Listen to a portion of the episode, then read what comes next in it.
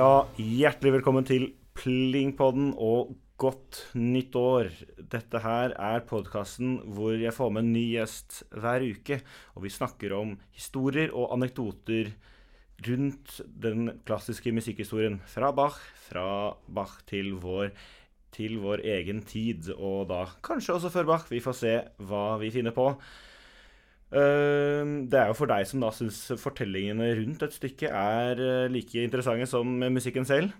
Sånn som jeg selv syns. Uh, og i tillegg til dette her så skal vi også snakke om aktualiteter. Hva er det som skjer rundt, rundt omkring i Musikk-Norge akkurat nå?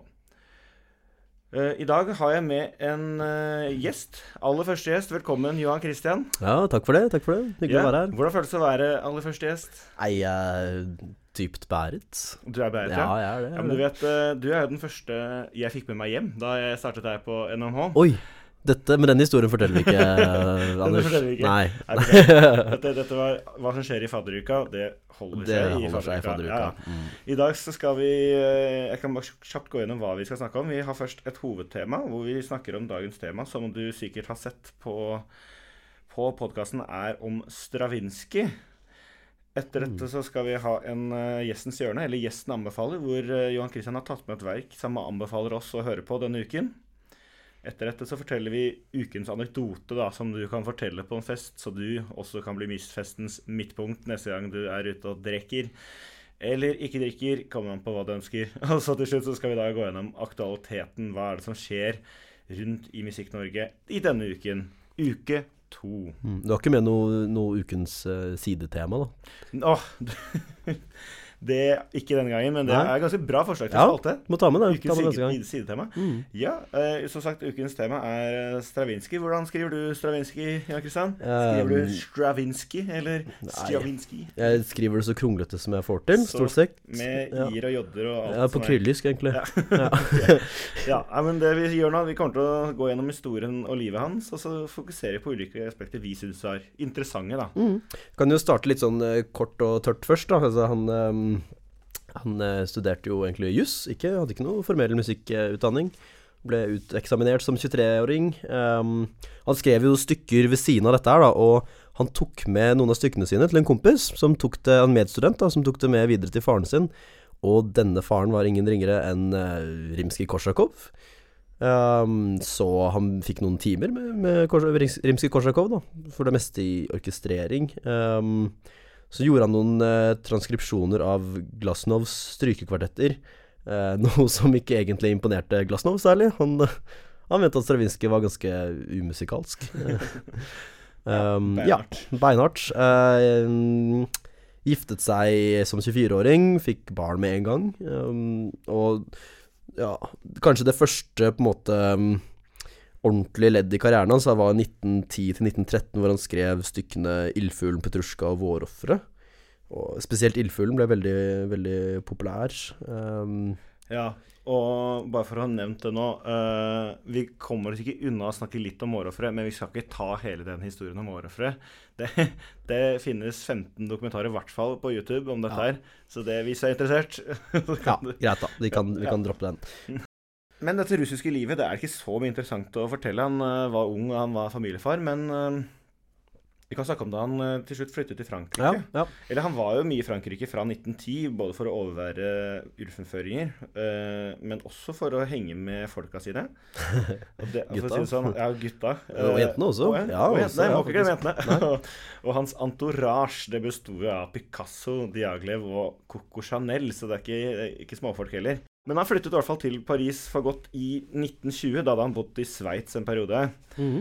Um, og han ble ganske populær i Paris, og nå er han til og med beæret med, eget, eh, med sin egen fontene, som ligger utenfor Pompidou-senteret. Mm. Uh, bare for de som ikke har vært i Pompidou-senteret, så um, har jeg faktisk vært der selv. Der er det, det er et kunst- og kultursenter. Og da var det en idé da arkitektene hadde om å ha fullt fokus på kunsten der inne, så har de plassert alt av nødvendig utstyr som ventilasjonsrør og luftrør, og til og med rulletrappene er på utsiden av fasaden. Så det er synlig ut på gata, mens eh, innvendig så er det kun rom og kunst. Det virker som at det egentlig var noe som gikk litt gærent i de Ja. plantegningene. De glemte det, de glemte det. Jeg tror de glemte det. og så, ja. Bare for å um, gi et bilde av um, hvordan denne fontenen ser ut. Det er bare å søke på Google også, men det ligner litt på det vi da jeg var liten og vokste opp i Oslo, kalte for Penisparken. Penisparken. Ja, ok. Ja. Det lå på Bryggetorget rett ved Felix eh, kino, som nå bare er et konferansesenter. Mm. Hvis du ser det, ikke søk på Penisparken, men søk på Bryggetorget, så finner du et, finner et par som ligner. ja. Oslo Gull fra Oslo Ja. og Anders ba barndom og ja. Ja. Um, ja, nei da, så du nevnte jo ja, Diaglev. Um, ja, litt, litt kort om ham. Han, eh, han kom egentlig fra en velstående familie. Eh, familien hans fikk eh, pengene sine fra et vodkadistilleri. det er midt i blinken i kunstgjenger, det, altså. Veldig russisk. Veldig russisk. Veldig russisk, det er det. Men familien konkurs pga. overforbruk. Er, er det også veldig russisk? Det kjenner jeg ikke til. Jeg kanskje. Aner ikke. Det får, det får, vi får, våre russere, lyt, russiske lyttere får sende inn en kommentar på det. Um, og så Ja, så Diaglev måtte forsørge familien. Um, han er noe eldre enn en Stravinskij, ca. sånn ti år, men han, han studerte også juss, tok også musikktimer. Um, men uh, Han tok til og med timer hos, Nikola, eh, hos uh, Nikolaj Rimskij-Korsakov. Um, men uh, han eh, forlot sin komposisjonsdrøm etter at uh, Rimskij-Korsakov sa til ham at han ikke hadde noe som helst talent for musikk. Oi. Ja, Også ganske beinhardt, ja. Ganske beinhardt. Eh, men det vi kjenner ham best som, det er jo kunstkritiker og kanskje aller mest ballettimpresario. Eh, ja, skal vi se. Um, han eh, opprettet uh, ballettkompaniet Balleros, som eh, skulle ha bestillinger eh, fra ganske mange komponister, ganske kjente komponister. Altså alt fra Debussy, Ravel, Satie til eh, Strauss og Prokofjev, så også ganske sånn Ganske forskjellige komponister eh, også. Um, han ble en av Frankrike, Frankrikes viktigste kulturpersoner. Um, og um, han fikk da øynene opp for Stravinskij etter at han hørte verkene hans uh, 'Fyrverkeri' og 'Scherzo Fantastikk, Um, og han uh, tok da og engasjerte Stravinskij til å skulle lage noen, arrangere noen stykker av Chopin til en ballettoppsetning. da. Eh, som pianist så river det jo litt i hjertet å ikke skulle Altså, Chopin for Ja, Chopin for orkester, det kunne vært interessant hørt. Jeg har ikke hørt det. De, jeg har ikke hørt de versjonene selv, men eh, nei, nei, Er det en grunn til at vi ikke har hørt det? Kanskje? Kanskje. Men det ikke. som kom etter, det har vi jo hørt. Det har vi hørt. Ja, for da, da kom jo eh, tre gigantene, da. Ildfuglen i 1910, Petrusjka i 1911 og Vårofferet, som da kom i, kom i 1913. Diagrev sånn sett må, ses, må ses på som veldig viktig, egentlig, for Stravinskijs både liv og for hans, eh, hans eh, virke. Eh, det var jo, som vi nevnte, altså disse tre eh, ballettene som kanskje virkelig satte i gang karrieren hans ordentlig, da. Ja, en annen person i dette entourage til Stravinskij er jo da Coco Chanel. Da familien Stravinskij slet med å skulle flytte til Paris i 1920, så sleit de med å finne et hus. Da inviterte Coco Chanel dem til å bo i hennes uh, herskapshus i forstaden til Paris, en av disse mange forstedene. Uh, de hadde blitt kjent uh, syv år tidligere, altså Stravinskij og Coco Chanel, i 1913 ved urfullføringen av Vårofre, hvor Coco var en av publikummerne som applauderte. Det var jo cirka, sirkus halvparten som applauderte, og halvparten som kastet eh, gjenstander på scenen. Jeg trodde vi ikke skulle snakke om dette her, eh, Anders. Ja, det- beklager. Ja, det, det En av de få gangene jeg må nevne så Ja, ja, det er vanskelig å komme seg utenom det. Altså Bare for å ha det sagt, jeg elsker Årafrø, men jeg er bare lei historien. Eh, men ryktene, som kanskje er mer enn rykter, sier at uh, Stravinskij og Coco Chanel de lå sammen og hadde en affære. Og dette da mens konen, konen faktisk, mens kona og familien var i huset. Dette her er det faktisk lagd eh, en film om, som kom Ja. i 19... Nei, i, unnskyld, i 2009. Da med danske Mats Mikkelsen som uh, spiller Stravinskij. Denne filmen har uh, 6,4 på IMDb, altså ikke dritbra, men uh, kanskje verdt å se hvis du er interessert Ja, ja. i Stravinskij.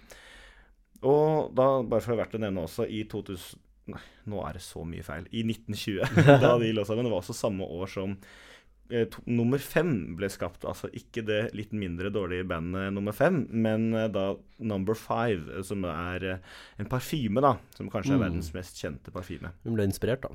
Hun ble inspirert av uh, Stravinskij. Av Stravinskij. Ja, okay. Siste som er verdt ja. Siste som er verdt å nevne om eh, da Coco Chanel, i hvert fall i sammenheng med Stravinskij, er at eh, hun eh, valgte å gi 300 000 franc til Diaglev for å sette opp en ny oppsetning av Vårofre.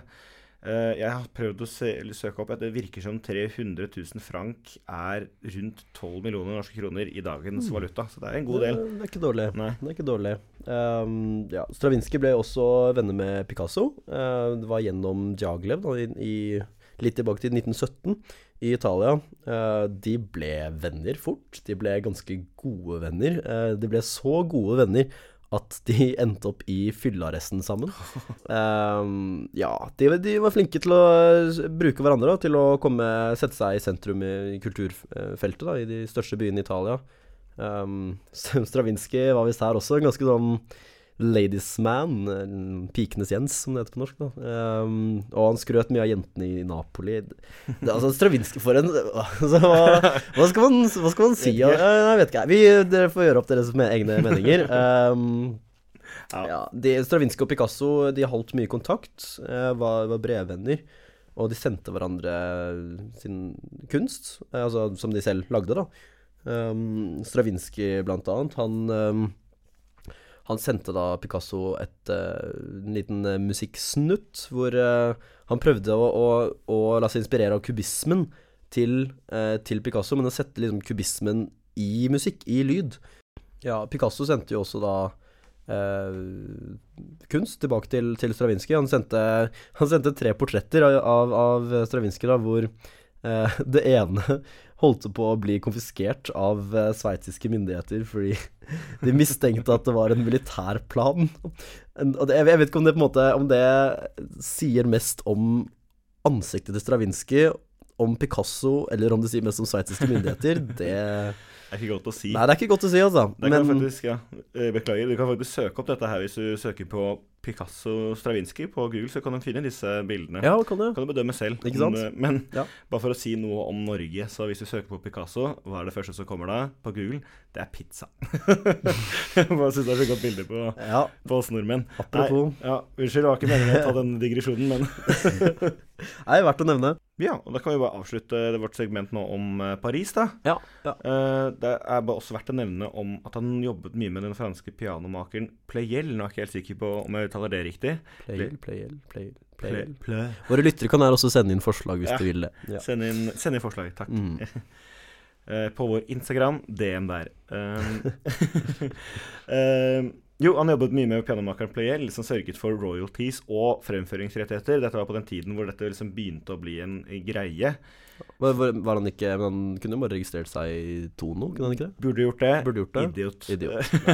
men han fikk i hvert fall fant ut andre måter. Men uh, Playel han uh, skaffet til med en månedlig inntekt og fast arbeidsplass eh, hvor han kunne sitte med medkunstnere og kolleger. Det er ganske uvanlig for komponister å ha fast månedlig inntekt i det hele tatt. Ha inntekt i det hele tatt. Ja. ja. Og dette med royalties er interessant, fordi man kan se, se flere ganger gjennom livet til Stravinskij at han jobber som en businessmann. Og det at Stravinskij har revidert verkene sine så veldig mange ganger, handler ikke bare om kunstnerisk, det handler også om Da får han rettigheter i alle ulike land han har bodd i. Men bare for å avslutte dette med hans liv i Paris, nei, og Frankrike generelt, for han Mm. skulle flytte videre derfra. Eh, Da, han bodde jo forskjellige steder i, i Frankrike, og den andre perioden han bodde i Paris, det omtalte han selv som den tristeste. Og det kan man skjønne hvorfor, fordi Jeg Det er ikke meningen å le, men det er bare maken til uflaks. Altså, hans kone døde eh, Nei, unnskyld. Hans kone hadde tuberkulose, og det virker som du også har fått nå. Ja, sorry. Unnskyld. Unnskyld. Nei, Uh, hans kone hadde tuberkulose, og hun smittet uh, både han selv og datteren Ludmilla. Datteren døde av dette i 1938, og kona døde året etter. Hmm. Mens han selv da bodde etter dette fem måneder i et sanatorium, altså et hus for langtidssyke og f.eks. da med tuberkulose, så døde også moren hans av tuberkulose. Så Herregud. hans ekteskap da med Katarina det varte i 33 år. Men det var ikke bare en dans med roser. Dans på roser, som det kalles. Mm. det var en annen dame som skulle vise å være hans livs kjærlighet, altså Vera. De hadde møttes allerede i 1922. Da, vil, da skilte Vera seg med sin daværende ektemann, men Stravinskij valgte å leve et dobbeltliv. Både han var sammen med både Vera og da kona si samtidig. Så han, han var både familiefar og gift på den tiden. Ja. Kone nummer én var fullt klar over dette, men aksepterte, aksepterte dette da hun mente det var uunngåelig. Det, det at Uunngåelig det, det, sier liksom sitt om Stravinskij, altså. Ja, Det, det. ja, okay. Ja, ja. Og dette dobbeltlivet det varte fra 1922 da til Katarina døde i 1939. Mm. Og da i 1939 da startet også andre verdenskrig, og da flyttet Igor til eh, USA. Og Vera kom flyttende året etter, og da giftet de seg også året etter, i 1940. Ja, det var ganske løsningsorientert. da. Veldig løsningsorientert. Ja. Se det. Ja, han eh, bosatte seg vel i LA, hvis jeg ikke husker Ja. feil. ja. 1260 North Weatherly Drive i West Hollywood. Dette er her har du i manuset ditt, du. Det er, Manus, det er, bare, er bare å søke på Google det også, så kan dere se huset han bodde i. Nei, vi bruker selvfølgelig ikke manus. Dette um, han eh, Ja, han var vel 48 år. Eh, Det var han ikke. Han var ikke 48. Han var Han var eh, 58. 58 år da han uh, flyttet. Um, han slet litt med å passe inn i starten. Han var ikke veldig flink i engelsk. Uh, så han hang mye med russiske emigranter. Uh, og han mente selv at disse ikke passet ham sosialt eller intellektuelt. Um, Unnskyld, det minnet meg om det derre Unnskyld, det er stor digresjon med den der eh, Jeg har sett det som heter elitesingles. Nei, elitedating, eller hva det heter. ja, ja. Jeg er jo aktiv der. Du er aktiv der. Ja, mm. Det er for, for de som vil at deres partner skal stimulere dem intellektuelt. ah. Der hadde Stravinskij passet godt. Er det liksom der hvor du henger hvis du er kun ute etter liksom platonsk kjærlighet? Da? Ja. Ja, ok. Jeg elsker platonsk kjærlighet. Platonsk kjærlighet. Det var en meningsløs digresjon. Fortsett.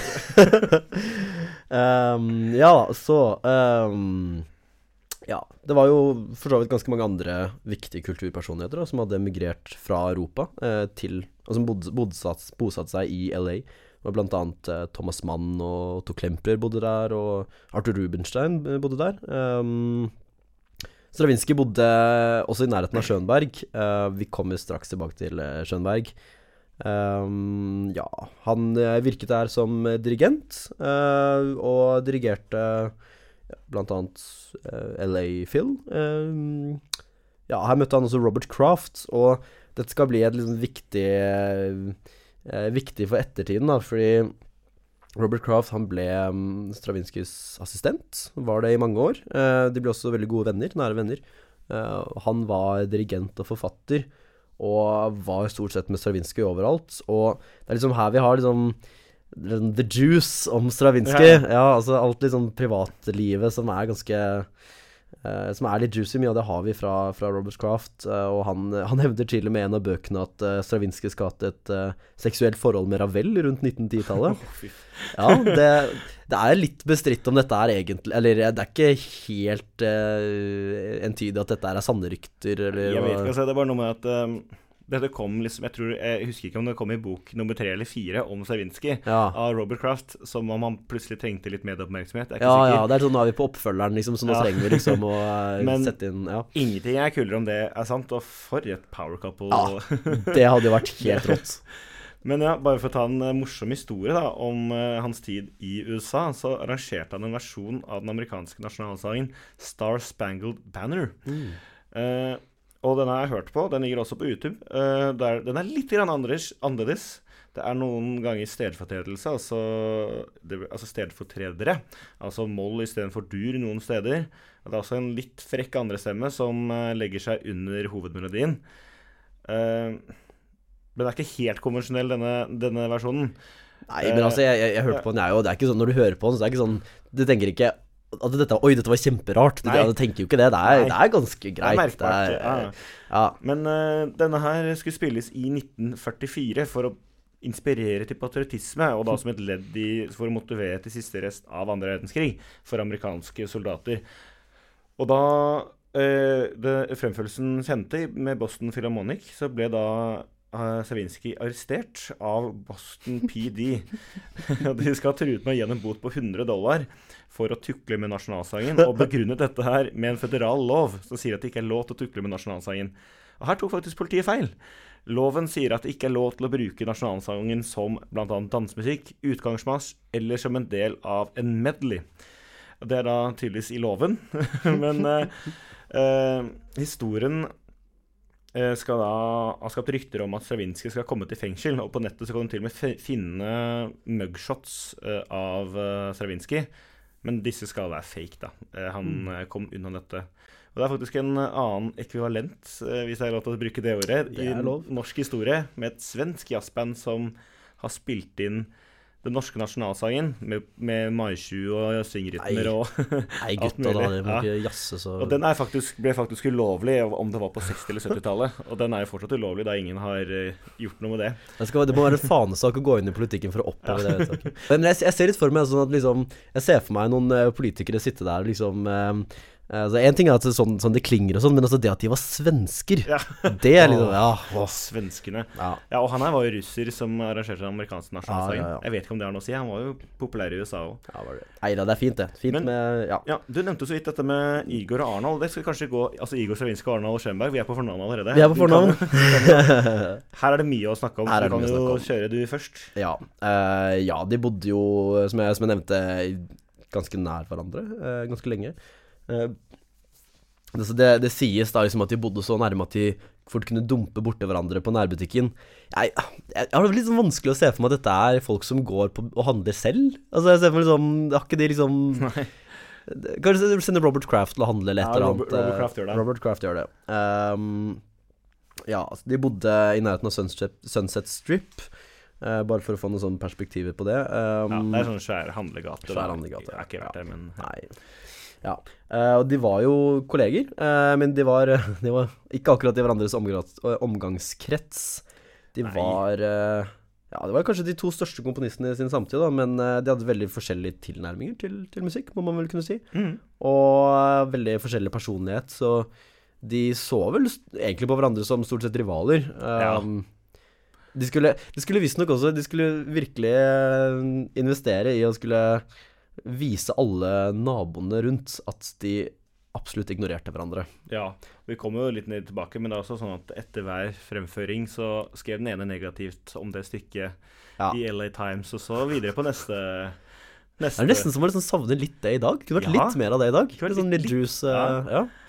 eh, ja. Altså De var jo ikke bare rivaler, de foraktet jo hverandre, later det til. Altså uh, Schönberg så jo på seg selv som liksom den derre den rette arvingen da i den, eh, i den eh, tysk-østerrikske tradisjonen som hadde dominert Europa. Litt sånn type sånn Bach, Beethoven, Brahms, Wagner, Schönberg. Ja, og det stemmer jo, det. Altså, som vi ser det nå, vil jeg påstå. Ja. Ja, jo, det, absolutt. Absolutt.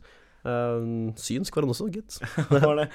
Og da Savinskij selv, han skrev jo en slags Altså, han skrev mange stiler, men han skrev store perioden han gjorde, var jo neoklassisk stil. Men bare for å gi et bilde på Schönbergs forakt mot Stravinskij, da, så var det i en festival i Wien i 1925. Der skal eh, Igors eh, pianosonate blitt eh, Altså Igor Stravinskij pianosonate blir fremført. Dette er et kort stykke på ti minutter, men uansett skal da Arnold Schönberg demonstrativt reise seg og forlatt salen før stykket var ferdigspilt. spilt. det var da såpass ille at han klarte ikke å, å overvære hele, Nei, hele altså, fremførelsen. Schönberg sarte og fininnstilte ører, så kan jo Ja, ja. må, ikke, må ikke tukle med, med dem. Må ikke tukle med, uh, må ikke tukle med øret til Schönberg. Nei, ikke gjør det. Ikke gjør det. Det er slemt. Um, ja, og, og Schönberg har jo Det har kommet fram noen sånne upubliserte tekster da, av Schönberg som ble, ble skrevet uh, etter hans uh, død. Uh, som, som, hvor det kommer veldig mye fram, dette sinnet mot Stravinskij. Det er egentlig ganske gøy. Um, han, eh, han mente jo selv at han skrev musikk for fremtiden. Ja. Og Stravinskij liksom kun skrev for det som passer akkurat nå. Så har han en sånn Han har en sånn sammenligning, en billedlig sammenligning, som bare er helt Altså, det det er så fjernt. Jeg har ikke ord. Altså, han, han sier da at liksom altså, Stravinskijs musikk, den er som slips. Den er kun skapt for å tilfredsstille kunden. Mens Ok. hans egen musikk Og det, her, dette er det sjuke. Han mener at hans egen musikk, den kunne sammenlignes med søken mot kuren for kreft. ja, se der, ja. Ja. Altså, jeg, hvordan kan man Jeg skjønner ikke hvordan man kan, liksom, hvordan man kan skrive det. Jeg håper dette er bare en sånn derre dagboktekst, eller Men altså Nei. Nei, Altså, det det minner meg faktisk litt om en historie fra videregående, da en lærer kom til meg og sa Ja, krim, det er porno. så var det plutselig mange lærere som sto rundt meg og var helt enige. Ja, krim, krim er porno. Ja, krim er porno. Fordi det gir bare en uh, Altså, jeg kan nesten skjønne hva de mener. Altså, det de Jo sa, var at det gir en, det gir en uh, slags uh, tilfredsstillelse, og det er veldig intensivt når du er i øyeblikket. Mm. Men når det er ferdig, så sitter du ikke med noen ting. det Så er liksom kanskje- en dopaminsprøyte. Ja. Ja, så da, altså det vi sitter igjen med nå, er altså at uh, Schönbergs eh, musikk kurerer kreft, og, og krim er porno. Krim er Det- porno. Ja. Ok. Jeg kan fortsette med hans Opus 28. Hadde ikke du noe der? å- Jo, jo, jo, jo det, og dette er gøy. Fordi eh, det er Schönberg sitt opus 28, som er tre satirer for, eh, for kor, piano, bratsj og cello. Og, og her har han uh, sneket inn et lite vers om Stravinskij. Um, det er ikke et spesielt smigrende, smigrende vers. Um, så altså det, er, det er bare litt sånn Selv, selv tydelig i musikken så, så skal han liksom drite ut uh, Stravinskij. Da, så det, man, det er ikke bare at han ikke liker Stravinskij, han, han har kanskje et ganske stort selvbilde selv også. Ja, vet ja. Ja, men også apropos stort selvbilde, vi kan jo se hva Stravinskij har sagt om Schönberg. Ok. Eh, som en slags eh, repay Repay? Repay? Repay, payback? Pay- Payback? re- re- ja. Mm. Eh, Schönberg skal ha sagt i et intervju med en spansk avis eh, i 1936 at han ser på Schönberg mer som en musikkforsker framfor en tonsetter, som de sier på svensk. da. Eh, han anerkjente researchen og sa at jobben med tolvtonemusikk kan åpne lytternes ører, men at det, denne musikken kan ikke brukes for å lage ekte musikk eller ekte kunst. Hmm. Og John Cage skal ha gjenfortalt at Stravinskij har sagt at Schönbergs musikk den er ikke engang moderne. Hva han la i det, det er jeg ikke helt sikker på. Mm. Men han skal ikke ha hatt det samme personlige fiendtligheten mot Schönberg. Altså Stravinskij. Ja, ja. Ja, ja. Mm. Og til slutt skal faktisk Stravinskij da ha innrømmet at Schönbergs musikk den har kanskje en viktighet til slutt. Hmm, det var stort. Men ja eh, Ja, man kan Kan vel virke som at Schönberg Mye av Schönbergs sinne mot Stravinskij kanskje bundet litt ut i noe sjalusi også. Altså, Ja. hvis man, hvis man ser på eh, Altså, begge to var jo kanskje de viktigste innen klassisk musikk på den tida. Uh, Iallfall i USA, jo, kanskje generelt også. Ja, i Eh, Europa, vel? Ja, i Europa også. Kanskje mer i Europa. altså. Ja. Ja, ja. Mm.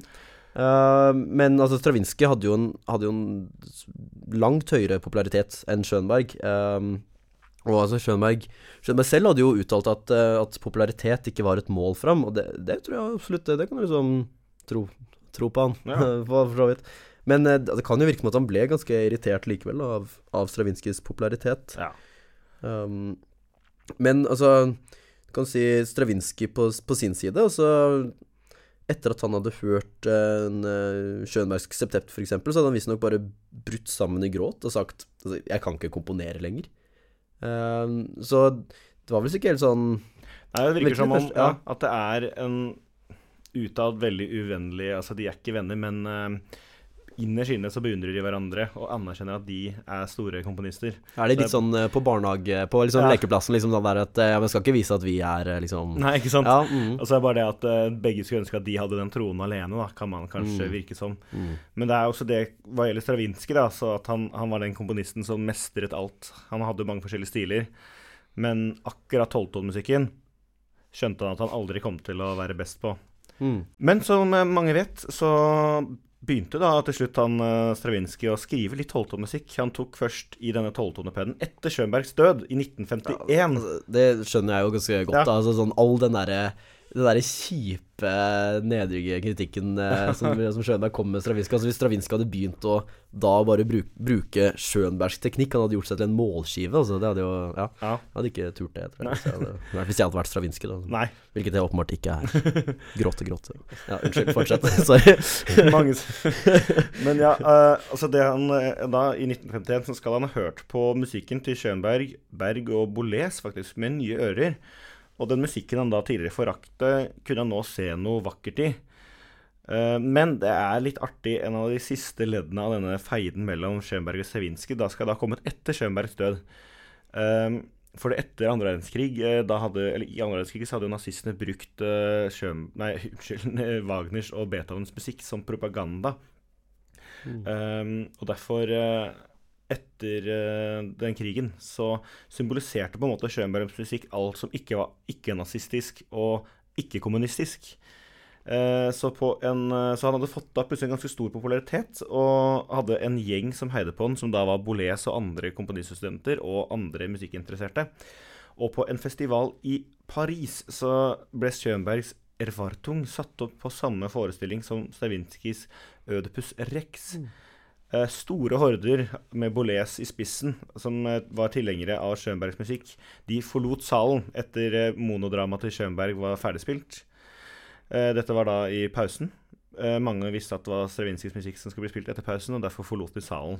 Men det var noen av dem som ble sittende igjen, og de ble sittende bare for å lage bråk under fremførelsen og kaste ting på scenen. Og dette er, dette er nesten sånn, sånn hooligankultur i fotball. Ja, det er litt som hooligankultur. De som Det, er nesten som man liksom, det er nesten som man skulle ønsket litt sånn, liksom, Kunne man ikke hatt, kunne man hatt litt Ja, mer av det? Det hadde vært litt gøy. Ja, det er litt gøy. Jeg, altså, jeg tenker også den sporten som liksom først tok de ja, Først tok de medieoppmerksomheten, og så tok de også alle hooligans, hooligans-supporterne. ja. Ja, og hooligans, for de som ikke skal vite det, det er folk som De er ikke nødvendigvis interessert i fotball, men de er på fotballkamper bare for å slåss og lage bråk. Ja. Og det finnes uh, nesten overalt. Mm. Men det er interessant da, i hvert fall, at uh, i samme by hvor Stravinskij først i 1913 ble buet uh, ut av salen fordi vårofferet var for moderne, men da 40 år etter så ble han buet på i samme by for å ikke være moderne nok. Ja. Så det er interessant. Ja, jeg ble aldri fornøyd. Aldri fornøyd. Ja. Og um, i USA så eh, la Igor, eh, gode Igor, la til noen eh, navn på entorasjet sitt. Ja. ja, nå har jeg så lært det ordet. Dette er for så vidt et ord som dere også kan bruke på fest for å øke deres sosiale status. Um, ja. Uh, i dette, det var da med blant annet John F. Kennedy, ingen ringere. Ingen ringere, Du vet Ja. hva FN står for? Fit, Fitzgerald? Fitzgerald. Fitzgerald. Ja. Så du kan si at han, hadde, han, han plasserte seg godt, da. Han var flink til det. Um, Mm, ja, ja, virkelig. Han var jo invitert til Hvitehuset og alt mulig, han. Så det- Han var det, ja. ja, ja. Tilbrakte mye tid sammen med JFK. Um, da JFK ble skutt uh, i 1963, så, så skrev da også Stravinskij en elegi til hans minne. Um, det, er litt, det er litt interessant. Han gjorde dette verken til sin avdøde kone, mor eller datter, kun til, til John F. Kennedy. Og ja, Man skal jo være forsiktig med å dra liksom sånn spekulative, det er kanskje litt stygt, men altså det, Kan kanskje også ses i sammenheng med at eh, det har en tydelig økonomisk gevinst å skrive en elegi for, eh, for eh, John F. Kennedy. Mindre økonomisk eh, gevinst å skrive elegi for avdød eh, kone og datter. Ja, det, ja, det er noe med det, altså. Kanskje? Ja, vet ikke. I oktober 1969, da flytter han til Essex House. Det er rett i søren av Central Park. Eh, der har jeg også vært, eh, bare for å skryte av alle som stedene jeg har vært. fortelle mer om da du var i eh, Det skal jeg gjøre i en annen podkast. I en annen podkast. ok. ja. Eh, men hvis du, er da i, hvis du er i Central Park i sør der, så ser du et svært hus som heter Essex House, og der bodde da han. Um, mm. Der skal han starte med orkestreringer av Bachs veltempererte klaver. Og dette ble han aldri ferdig med, og det syns jeg er litt trist. Se for dere et, høre Bach da gjennom Stravinskij sitt hode. Det må ha vært eh, ja, det må ha vært ordentlig kult. er litt flott å høre. Ja, absolutt. Han ble da 18. mars 1971 innlagt på sykehus med det jeg leste lungeødem. Og da jeg søkte opp hva det var, så sto det at det var en form for hjertesvikt. Det, Og den logikken ser jeg ikke. det er et eller annet som Vi får spørre, ja, vi får spørre medisinstudenter. Ja, en kognitiv dissonans, som, eh, som også ord du kan bruke på neste fest du er Mm. Eh, han var på da sykehuset i ti dager. Nå skal visstnok hans kone vært veldig interessert i at han skulle være hjemme og ikke på dette sykehuset. Men da han kom ut av sykehuset, så flyttet han like greit inn i en nyoppusset leilighet i Fifth Avenue. Det er da Handle- og Sossegata i New York. Ja, det er sossegata si, det. Ja, ja. Ja. Det er der eh, Sting vandrer når han synger i Englishman in, in New York. Jeg mister plutselig evnen til å snakke engelsk. Det Mm. beklager jeg. Ja, med fornorskning. Ja. Språkrådet digger deg nå, vet du. Ja, Fy søren. Ja. Der hadde han seks friske dager før han fikk en ny hjertesvikt 4. april. Og den 6. april 1971, 5.20, døde han av hjertesvikt. Nesten 420. Å, det hadde vært så stort. Det hadde vært stort. Han var da 88 år gammel, og han ble gravlagt i Nord-Italia, i et slags russisk hjørne, som de kalte det for, i den kirkegården. Og der ligger han like ved Diaghilev.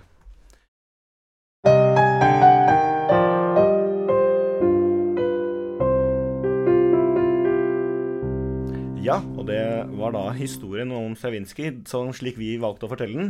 Og nå skal vi over til det vi kaller for gjestens hjørne, eller gjestens anbefaling, hvor da Gjesten vi har med, altså Johan, Johan Christian, for de som har glemt det, tar med seg et verk du ønsker å anbefale lytterne å høre på denne uken. Og hva er det du ønsker å anbefale? Ja, nei, dette var, jeg syns jeg, jeg var vanskelig eh, å finne noe. Um, jeg endte opp med å ta med noe som jeg begynte å snuse litt på. Det, det er eh, kanskje litt klisjé siden jeg er pianist, men det er eh, et stykke av Frans List. Som, eh, Ja. Det er hans andre ballade, da.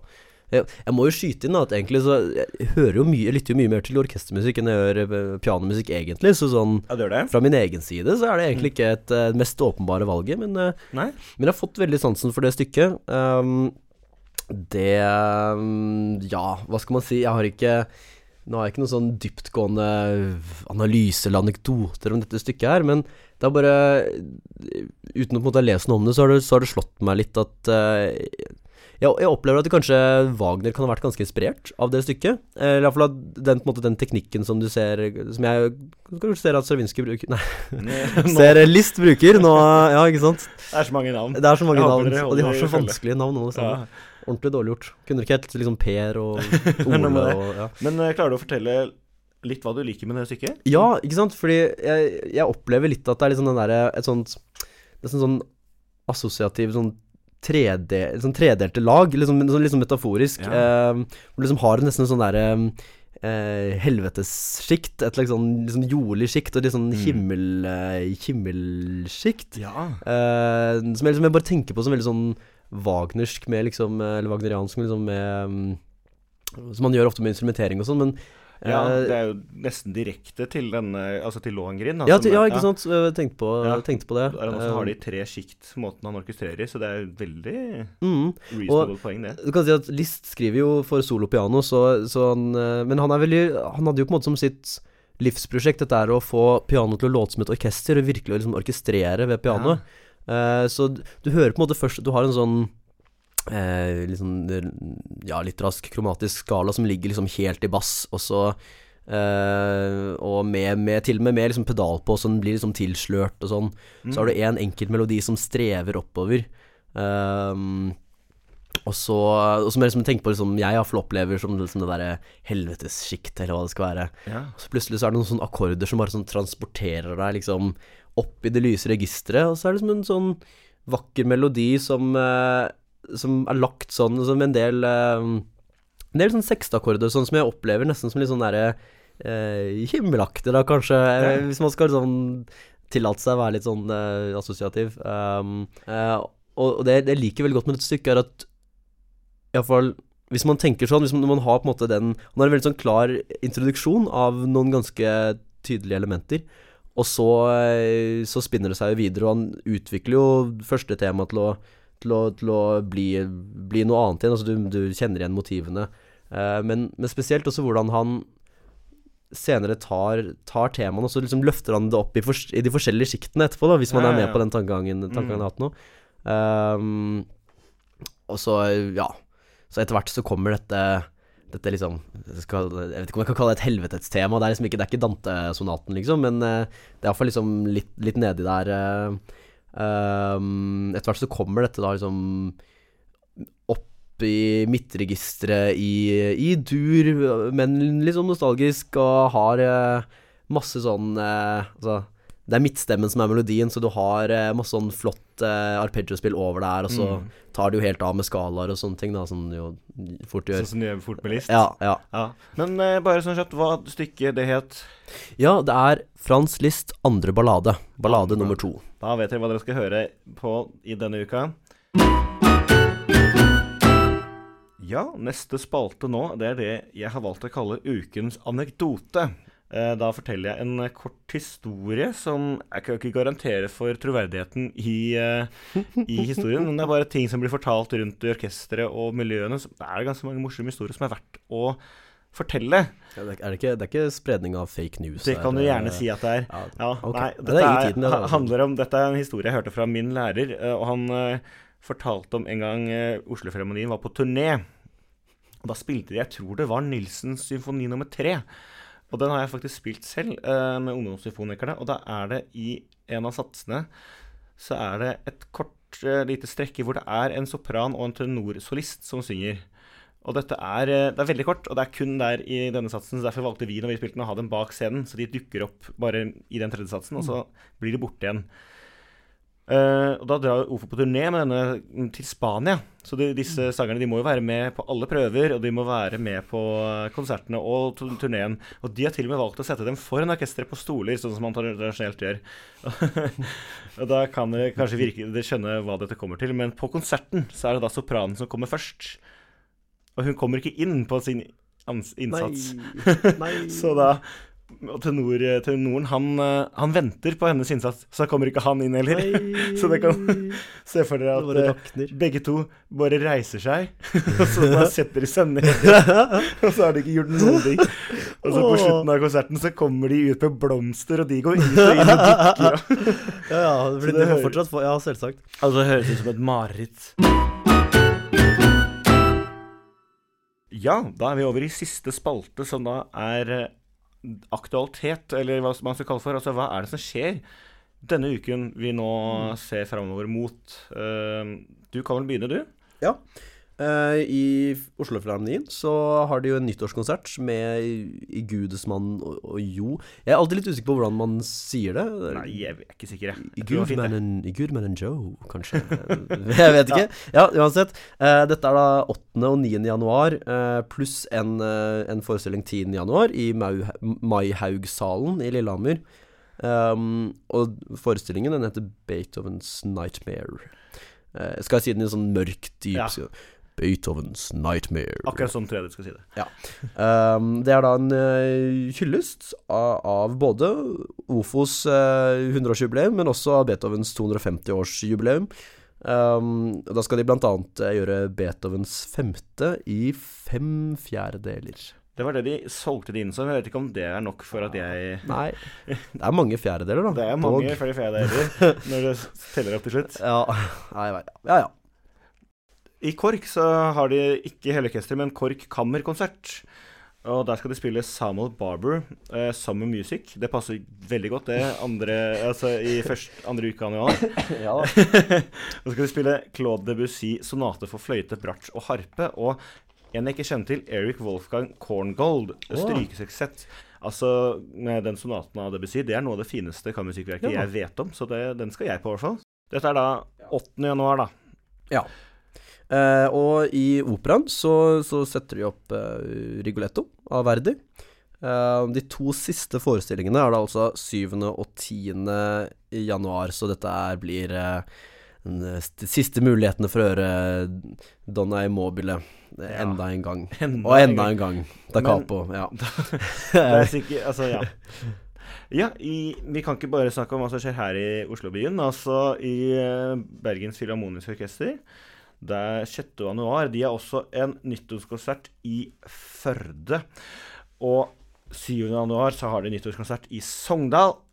Og 9. og 10. januar så er det tilbake i Bergen, og da er det det som tradisjonelt eh, er hvert år, så vidt jeg har fått inntrykk av, Bergens, tid, Bergens Tidenes ønskekonsert. Ja. Ja. Uh, sorry. Uh, Trondheim Symfoniorkester har også um, nyttårssaft Nei, nyttårskonsert. Nyttårssaft. Det kan det godt, være, godt også være at de har. eh, sikkert et eller annet sånn nyttårsfest eller julebord eller et eller annet. Eh, 10. og 11. januar eh, så har de da altså Adresseavisens nyttårskonsert. Eh, og her så følger hele landet spent med idet årets trønder blir hedret. Og det gleder jeg meg til. Og Ja. dette her blir da spilt inn eh, før vi får vite hvem som er årets trønder. Så vi vet jo ikke dette ennå, og dette, vi er så spente! Ja, jeg, jeg, jeg holder en knapp på altså, at det blir noe Det blir iallfall noen barter og skinnvest og mokasiner. Det tror blir jeg skuffa. Ja, det, ja. Ja, nei, men du, uh, tusen takk for at du var gjest uh, i dag, eh, Jan Christian. ja, veldig hyggelig å være her. Så uh, bare følg Plingpodden på Instagram. Og vi kommer til å legge ut episoder nå fortløpende i ukene framover. Og da med nye gjester. Og Jan Christian kommer sikkert tilbake. Det er Jeg vet ikke om jeg tør det, da. Nei, det, altså, vi får se. vi får se. Men jeg tenkte rett før vi slutter, så tenkte vi å ha tre kjappe spørsmål. Det er vanlig i sånne podkaster. Nå slenger jeg ut eh, tre, tre mm, spørsmål, ja, så må du svare så fort du kan. Ok. Helt ærlig. Ja. Ok, Hvis du må velge eh, kun høre på Beethoven, Mozart eller Hayden Uh, Beethoven. Beethoven, ja. Ja. Beethoven. Jeg trodde det var liksom Beethoven, Mozart, Haydn eller oh, ja. Ja, nei, ja, Ja. Beethoven. Ja, Beethoven. Ja. Uh, du Erik Satie, yay or nay? Nei. Å, vi er enige begge to til nå. Ja. Fint. Ok, til slutt. Vi fortsetter med Beethoven. Hva er din Beethoven-favorittsymfoni? Oh, um, tredje symfoni slenger jeg ut. Tredje symfoni. Jeg hørte en Ah. veldig kul eh, framførelse med Hanna Chang. Dritfett. Ah, da anbefaler vi Beethovens tredje symfoni, dirigert av Hanna Chang. Jeg, jeg vet ikke om det er innspilt, jeg hørte det live i Filharmonien. du hørte det live med eh, Filharmonien? Men sikkert, ja. Og da er det for dere som da bor i Trondheim, hvor hun er sjefsdirigent. Så om de spiller Beethovens tredje, da må dere stikke og høre på. Er hun sjefsdirigent i Trondheim? Ja. Det burde jeg visst. Det ble visst. Eh, yes, men da er det bare å høre på neste gang. Takk for nå.